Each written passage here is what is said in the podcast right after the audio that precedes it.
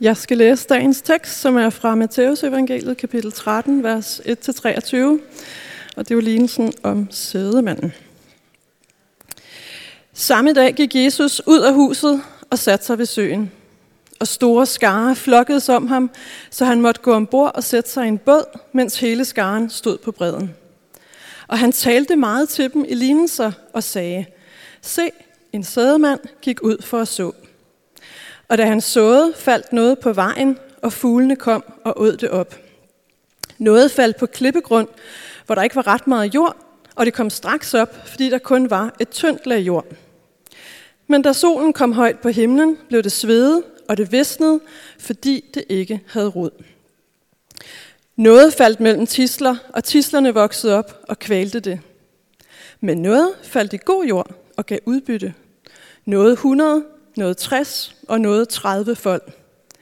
Den, der har ører, skal høre. Disciplene kom hen til ham og spurgte, hvorfor taler du til dem i lignelser? Han svarede dem, ja er det givet at kende himmerigets hemmeligheder, men de andre er det ikke givet. For den, der har, til ham skal der gives, og han skal have overflod. Men den, der ikke har, fra ham skal selv det tages, som han har. Derfor taler jeg til dem i lignelser, fordi de ser og dog ikke ser, og hører og dog ikke hører, og heller intet fatter. På dem opfyldes den profeti af Esajas, der siger, I skal høre og høre, men intet fatte. I skal se og se, men intet forstå. For dette folks hjerte er dækket med fedt, og med ørerne hører de tungt, og deres øjne har de lukket til, for at de ikke skal se med øjnene, høre med ørerne og fatte med hjertet og vende om, så jeg må helbrede dem. Salig er jeres øjne, fordi de ser, og jeres ører, fordi de hører. For sandelig siger jeg, mange profeter og retfærdige har længtes efter at se det, I ser, og fik det ikke at se, og høre det, I hører, og fik det ikke at høre. Så hør I da lignelsen om sædemanden. Når et menneske hører ordet om riget og ikke fatter det, kommer den onde og røver det, der er sået i hans hjerte. Det er det, der er blevet sået på vejen. Det, som blev sået på klippegrund, det er ham, der straks tager imod ordet med glæde, når han hører det, men han har ikke rod i sig. Han kolder kun ud i en tid, og når der kommer trængsler eller forfølgelse på grund af ordet, falder han straks fra. Det, som blev sået mellem tisler, det er ham, der hører ordet, men denne verdens bekymring og rigdommens blindværk kvæler ordet, så det ikke bærer frugt. Men det, som blev sået i den gode jord, det er ham, der hører ordet og fatter det, og så bærer frugt og giver 100 eller 60 eller 30 folk.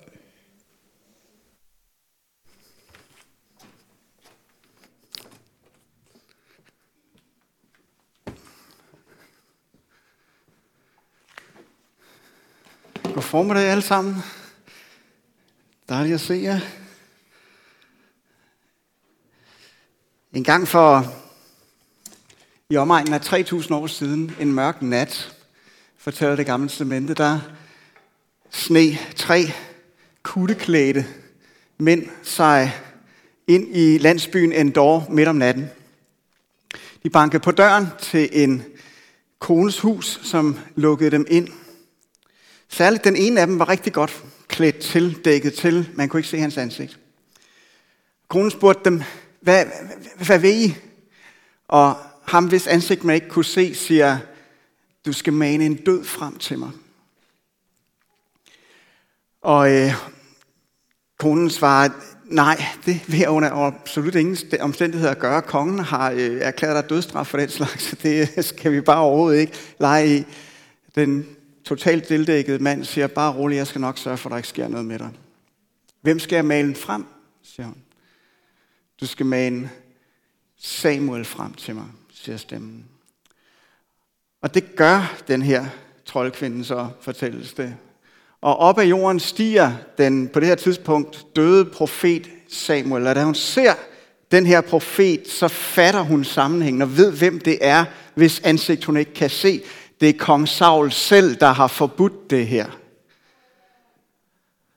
Samuel han øh, holder en dundertale af en anden verden for Saul. fortæller ham, at han er en dødstømt mand, der er forbandet, fordi han ikke har hørt efter, når Gud har talt til ham. Og Saul ligger totalt deprimeret og, og færdig på jorden til sidst. De får proppet lidt mad i ham, og ham og hans mænd tager afsted. Næste dag øh, skal han i krig, fordi at en her fra filistrene er trængt ind i landet, og i det slag, der bliver kong Saul dræbt sammen med sine sønner.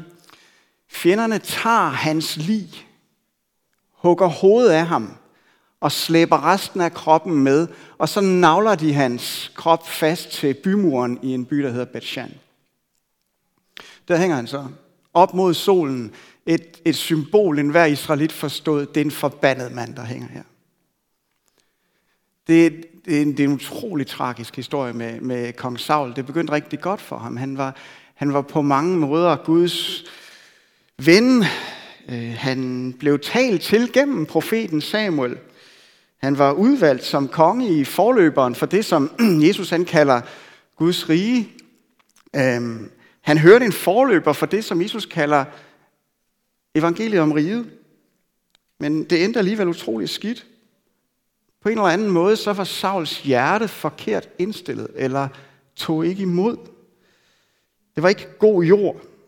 Det han hørte fra Gud, det er bare ikke frugt. Når Sauls liv slutter, så er Gud hans fjende. Gud taler ikke længere til ham. Det er en anden en, der nu er udvalgt, der skal være konge i, i det gamle testamentlige Guds rige. Og Saul han dør som en forbandet mand. Sauls modsætning er, er David, kong David, som følger efter ham. Gud han er også Davids ven. Han taler også til David gennem profeten Samuel og andre profeter. Han er også udvalgt og salvet til at være konge i det her forløber for Guds rige. Han øh, hørte også en forløber for det, som Jesus kalder evangeliet om riget. Og det er ikke fordi, at David han er en bedre person mere moralsk end Saul. Hvis man skulle stille dem op over for hinanden med den målstok, så var David nok den værste af dem. Han øh, bedrev hår og mor, og, og jeg ved ikke hvad. Øh, så det er ikke derfor. Men han hørte på en anden måde, når Gud så talte til ham, også om det, han havde gjort. Han var anderledes indstillet til budskabet fra Gud. Hans hjerte var på en eller anden måde anderledes Gud kalder ham manden efter mit hjerte. Hans hjerte var god jord. Det er bare frugt. David han dør som en velsignet mand. Begge de her mænd, de havde adgang til samme budskab.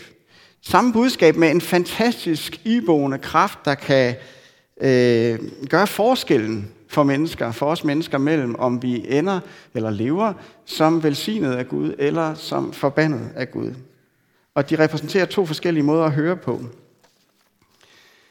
Hver, hver søndag her i kirken, så øh, står der en herop og, og strør budskabet ud. Når øh, I taler sammen i jeres k-grupper, så strør I budskabet om Jesus ud til hinanden. Når du er på din arbejdsplads og får muligheden for at sige en halv sætning om Jesus, så bliver der sået et lille korn. Og det bliver sået alle mulige steder. Og det gør vi, fordi at vi er overbevist om, at det budskab, det har en fantastisk iboende kraft. At det er et levende ord. At det virkelig kan gøre forskellen for mennesker på at være forbandet eller være velsignet i ultimativ forstand. Og det er fordi, vi, vi er overbevist om, at det bedste, det mest sprængfarlige, det, det potentielt mest revolutionerende, der findes, det vi allerbedst kan så i menneskers hjerter, det er budskabet om Jesus. Jesus Kristus er den mest afgørende person, det mest afgørende indhold at få givet videre til nogen som helst. Forskellen på dem, der tager imod, og dem, der ikke gør, det er ikke, at Jesus han ikke gælder for alle. Det er ikke, at Jesus han ikke er for alle. Det er ikke, at Jesus han elsker nogen og ikke elsker andre. Det er ikke fordi, at han fungerer for nogle mennesker og ikke fungerer for andre. Forskellen ligger et andet sted. Jesus han er god for alle. Han er vejen, sandheden, opstandelsen og livet. Det er gennem ham og kun gennem ham, at Gud han befrier os fra forbandelse og fører os ind i velsignelse. Men Det gør en verden til forskel. En verden til forskel, hvordan vi hører det her budskab.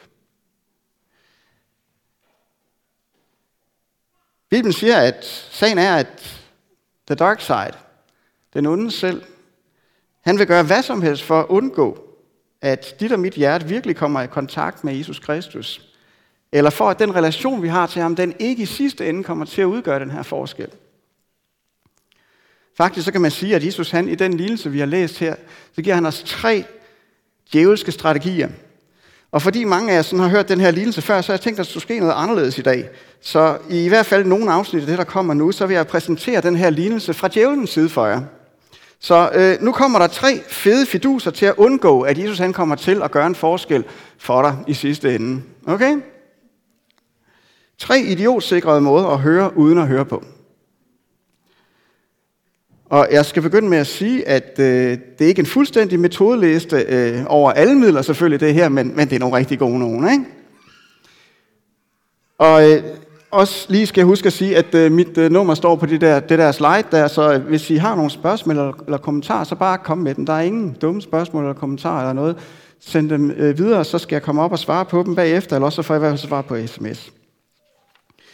Godt. Fidus nummer et. Hør ikke efter.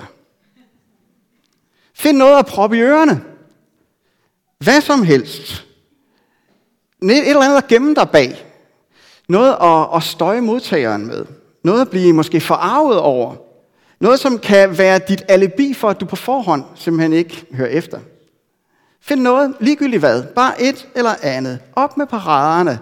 Sørg for, at dit hjerte er omtrent lige så sårbart som en tank af panstret sol. Lad være med at prøve på at forstå. Det er fidus nummer et. Hør ikke efter. Det er faktisk en, en temmelig øh, effektiv strategi, den her. Og jeg ved ikke, om I kender den øh, fra jer selv. Jeg kender den fra mig selv. Man kan bare spørge de mennesker, der kender mig rigtig godt. Øh, det virker jo endda over for andre mennesker, det her.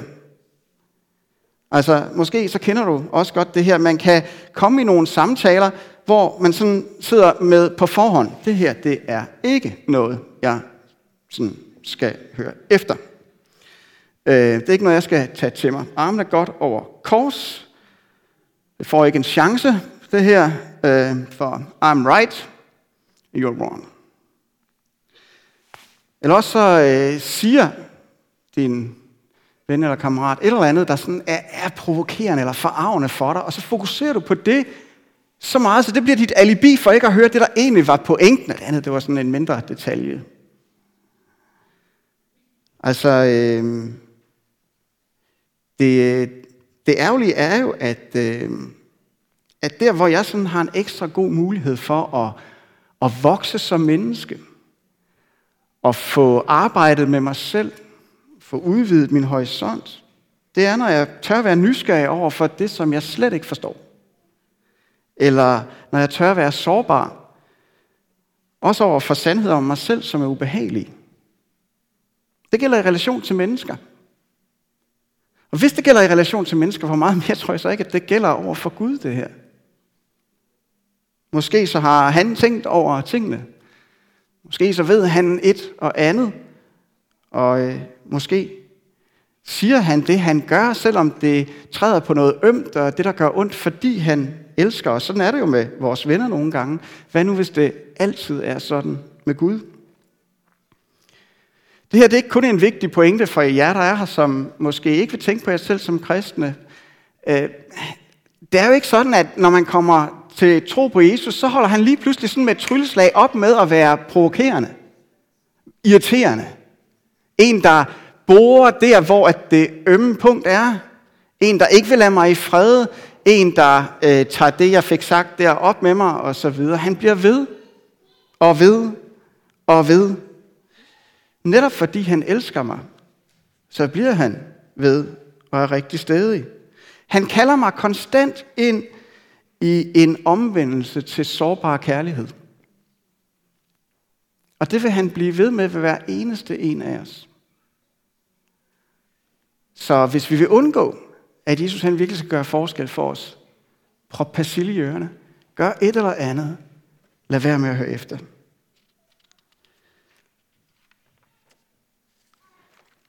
Fidus nummer to. Hvis du absolut skal høre efter, så hold Jesus på overfladeniveauet. Okay? Hold ham på overfladeniveauet. For det første, lad ham nøjes med at være sådan en hyggelig sidehobby. Han må ikke sådan blive Gud for alvor for dig. Prøv at fortælle dig selv, Jesus han er bare en blandt flere rigtig gode ting i livet. Han er et godt krydderi. Sådan en gang imellem kan man godt bruge ham jo sjældnere, jo bedre selvfølgelig. Lad for eksempel være med at komme i kirke på næste søndag. Det kan gå hen og blive en dårlig vane, det her. Og for meget af det gode kan det jo også let gå hen og blive. Du skulle nødt begynde at leve det her budskab ud i livet. Han skal ikke sådan blive den grundlæggende, styrende, identitetsskabende faktor i dit liv. Det er, er, ikke godt. I det mindste, så skal du prøve at holde visse rum i tilværelsen lukket for Jesus. Altså, der er ting, han ikke skal blande sig i, der hvor det er dig og ikke ham, der bestemmer. Hvordan du taler til folk. Dit forhold til dem, som du aldrig har tilgivet. Din seksualitet. Dine penge. Din dybeste frygt. Din dybeste længsel. Din dybeste had. Din dybeste kærlighed. Hold ham væk fra de ting. Konstant daglig bibellæsning, det er noget af det værste og farligste, du overhovedet kan begynde på. Det er endnu værre, hvis du tænker over, hvad du læser. Hold dig langt væk fra det. Værst af alt, tal med Jesus om det, du har læst og tænkt over. Jeg hader, når du gør det. Altså, I med, ikke? Pointen er, at hvis Jesus han ikke får lov til at gå i dybden med en, så er det så dejligt let at komme af med ham, when the going gets tough. Når der kommer modstand, når der kommer lidelse, når strømmen vender. Og det gør den altid før eller senere. Og det er fidus nummer to. Hold Jesus på overfladeniveauet. Jesus han siger i den her lignelse, at der er nogen, som hører budskabet om ham, og tager imod det med glæde, men det får ikke lov til at gå i dybden. Det får ikke lov til at slå stærke rødder i vores dybeste, i vores inderste kerne, blive en del af os selv, en del af vores DNA, om man så må sige. Og derfor i det lange løb, så kommer det ikke til at gøre forskellen mellem velsignelse og forbandelse. Det bærer ikke frugt. Når jeg hører Jesus sige det, så må jeg spørge mig selv, er det mig, han beskriver der?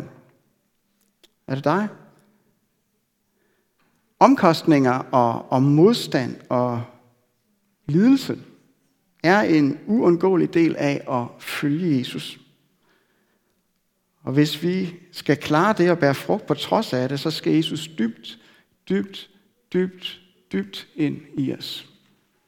Lad være med at lade Jesus være sådan en overfladepynt. Lad ham komme dybt ind.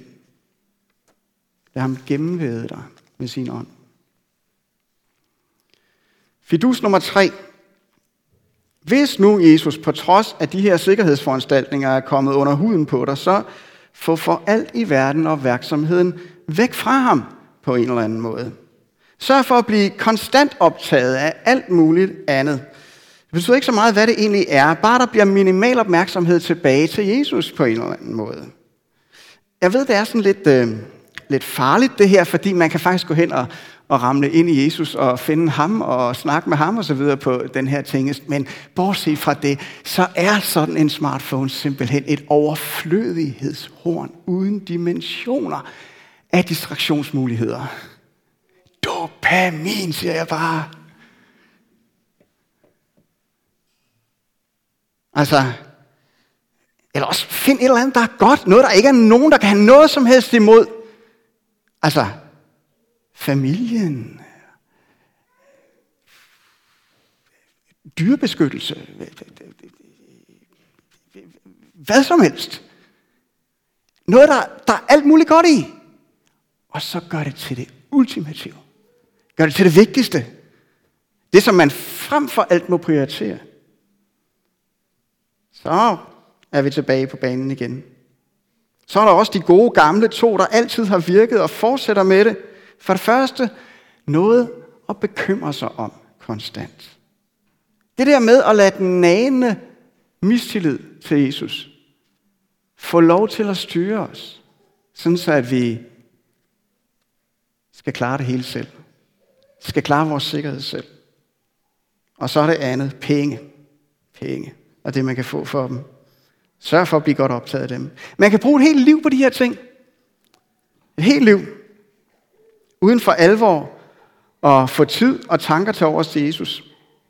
Og så bliver chancerne for, at han for alvor kommer til at gøre den sidste forskel, den endelige forskel mellem velsignelse og forbandelse, det bliver temmelig små. Relationen til ham, den vil blive druknet af alt det andet. Den vil blive kvalt. Det er fidus nummer tre. For for alt i verden opmærksomheden væk fra Jesus. Jesus han siger, at der er nogen, der hører budskabet om ham, men for hvem det bliver kvalt af denne verdens bekymringer, af rigdommens blindværk, og som han udtrykker det i Markus evangeliet, parallellen til det her, lyst til alt muligt andet. I sidste ende, så kommer Jesus ikke til at gøre en forskel på den måde. Det bærer ikke frugt. Og igen, så må jeg spørge mig selv. Er det mig? Er det dig? Nu har jeg sagt, at det gør en verden til forskel, hvordan vi hører. Hvordan vores hjerte er indstillet, når Jesus han taler til os. Og jeg burde jo have stået her og givet fiduser til, hvordan man virkelig hører, i stedet for fiduser til det modsatte. Men jeg regner med, at den er vi alle sammen med på at vende på hovedet, ikke også?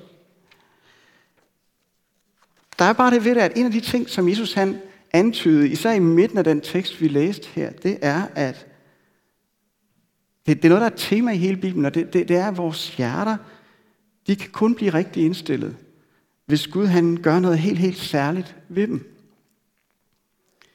Og derfor så er noget af det mest grundlæggende, vi overhovedet kan gøre, når vi hører Guds ord, når vi læser Bibelen, når vi hører budskabet om Jesus på den ene eller den anden måde, det er at bede Gud om at åbne vores hjerter, sådan så budskabet om Jesus virkelig kan komme ind. Bed ham om at give os åbenhed og dybde, og at det må blive til mere en overfladesnak for os. Vi må bede ham om at vende vores hjertes langdistanceopmærksomhed hen mod Jesus. Kort sagt, så må vi bede Gud om at indstille vores hjerte sådan, og budskabet om Jesus kommer til at gøre forskellen mellem velsignelse og forbandelse for os. Gud han omindstiller vores hjerter ved at give os billeder af Jesus. Billeder af Jesus og hans kærlighed til os.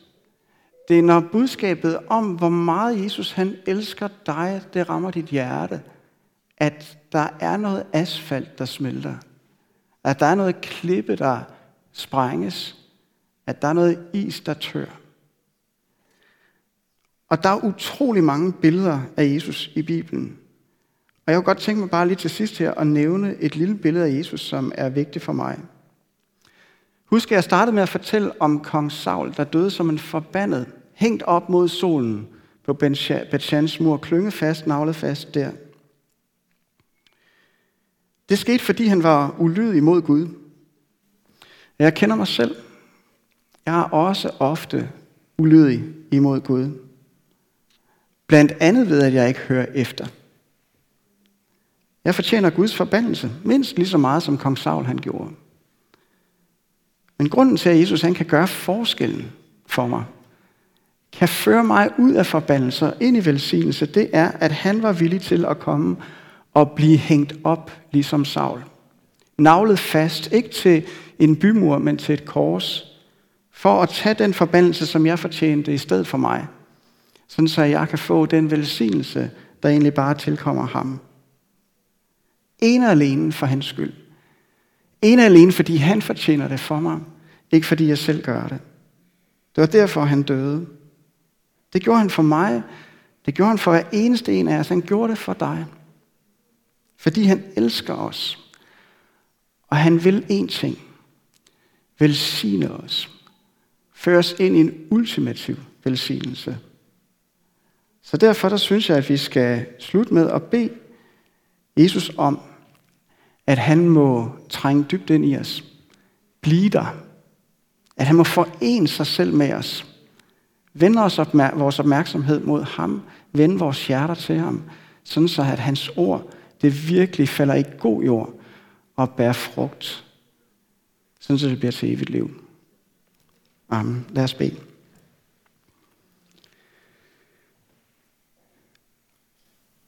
Kære Herre Jesus, vi takker og priser dig, fordi at du elsker os. Tak fordi, at selv når dit ord det sårer og gør ondt, så er det kærlighed. Tak fordi, at du elsker os nok til at gå i vores sted, til at blive ramt af Guds fred og forbandelse i stedet for os. Vi beder dig om, at du må lade os se masser og masser af billeder af dig. Smelt vores hjerter. Vend os om. Igen og igen, hver dag. Træng dybt ind. Langt ned. Helt til bunds. Og omvend os. Og bliv hos os. Spir og bær frugt. Forbarm dig over os. Amen.